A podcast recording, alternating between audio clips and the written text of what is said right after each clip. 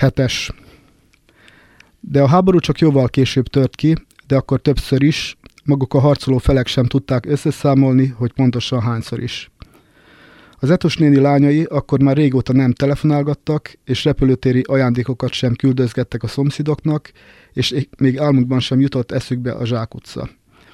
A Katica néni, az András bácsi, a Pesti Karesz, az Etus néni és a nagymamám pedig már a holtak zsákutcájában tengette életét, egyedül én álltam ott továbbra is kezemben a hólapáttal. A negyedik vagy ötödik, magam sem tudom őket összeszámolni, háború után, az akkor ismert világ legerősebb hadereje úgy döntött, hogy valószínűleg érdemes neki is beszállni a háborúba, ha már az itteni népek állandóan háborúznak, ezért egy éjszaka elkezdték bombázni az itteni népeket, aminek folytán rejtélyes módon az Etus néni háza is kigyulladt.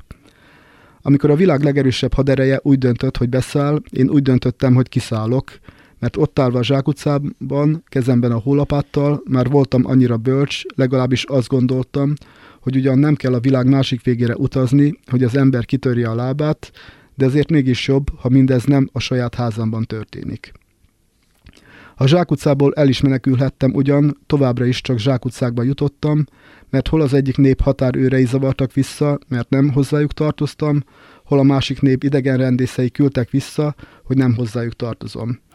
Az akkor ismert világ legerősebb haderejének bombái azonban mindenhol utolértek, hiába rohangáltam egyik határőrtől a másikig, egyik idegenrendésztől a másikig, a bombák csak jöttek, és mindig csak oda csapódtak, ahol én voltam.